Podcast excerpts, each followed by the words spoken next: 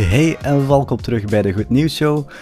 Deze week gaan we het hebben over freakshakes, Sinterklaas, want die komt dit weekend aan in ons land. Een beetje nieuws over die fameuze brexit en wat leuke film- en tv-nieuws. Welkom. De kilogram is niet meer, dat meldt VTM Nieuws. Alle metrische eenheden hebben tot nu toe een update gekregen, behalve de kilogram. Nu wordt een constante uit de natuur gebruikt als standaard en geen fysiek object meer. In 1875 werd ervoor gekozen om de cilinder die gelijk stond aan 1 kilo te bewaren in een kluis van een kelder in Parijs. Daardoor is het gewicht van die cilinder in de loop der jaren veel veranderd omdat er stukjes metaal zijn verloren gegaan. Die kilogram is hiermee de laatste van 7 metrische eenheden die een update krijgt. Maar maak je geen zorgen, de impact zal nauwelijks voelbaar zijn in ons dagelijks leven. Je zal dus nog steeds 200 gram gehakt krijgen bij de slager. Een actiegroep uit het Verenigd Koninkrijk wil strijden voor een verbod op freakshakes. Dat zijn milkshakes met extra snoep, chocolade en slagroom. De drankjes zouden 300 of meer calorieën bevatten en tot obesitas en tandbederf leiden. De populaire zoete drankjes zijn overgewaaid uit Australië en zijn de laatste jaren bij ons in Europa ook populair geworden. Als het van de vereniging Act on Sugar afhangt, worden ze binnenkort verboden en zelfs niet meer verkocht in Groot-Brittannië. De non-profit organisatie nam een aantal freakshakes onder de loep en sommige zouden tot wel 1280 calorieën of 39 theelepels suiker bevatten. Dat is dus meer dan de helft van de aanbevolen portie suiker per dag. Voor kinderen is dat nog eens zes keer de aanbevolen hoeveelheid. De regering in Groot-Brittannië bekijkt nu de problematiek en zal beslissen over een eventueel label op het menu bij restaurants. Verboden worden ze dus misschien nog niet. Er is opnieuw ophef ontstaan rond Sinterklaas. In Nederland heeft een actiegroep een opstand gecreëerd aan het Mediapark in Hilversum en de doorgang geblokkeerd tegen de publieke omroep NTR.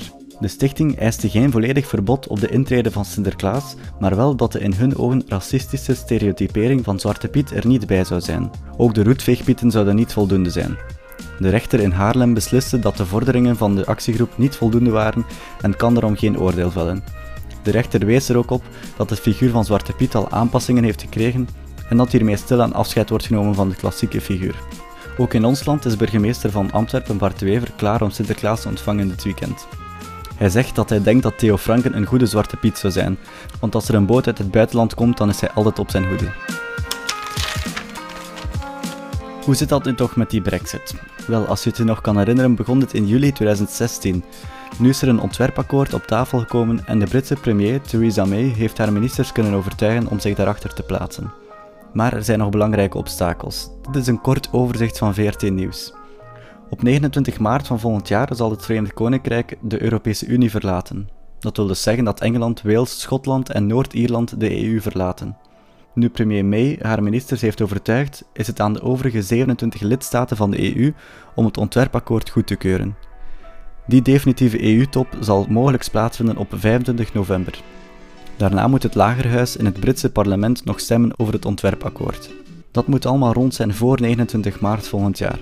Als dat Lagerhuis, ook al bekend als House of Commons, het ontwerpakkoord wegstemt, zijn de onderhandelingen tussen het VK en de EU verloren en moet alles opnieuw onderhandeld worden. Dat zou dus absoluut niet lukken voor 29 maart. Als het House of Commons wel overtuigd is, is het de beurt aan het Europees Parlement om het akkoord goed te keuren.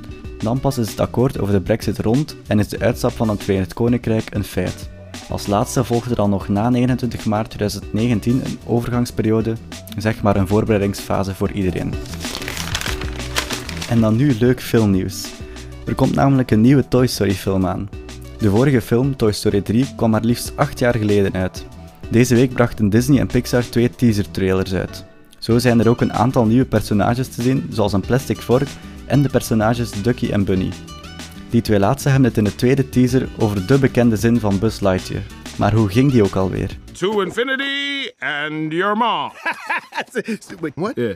That's not right. You sure? No, that's not right. I'm pretty sure that's it. No, no, no, let me show you. To insanity and a blonde. What are you even That's how it goes. saying? No, that's how it goes. To immunity and respond. To indecency To and... infrequently. Hey, hey, guys, you got it all wrong. It's to infinity and beyond. That's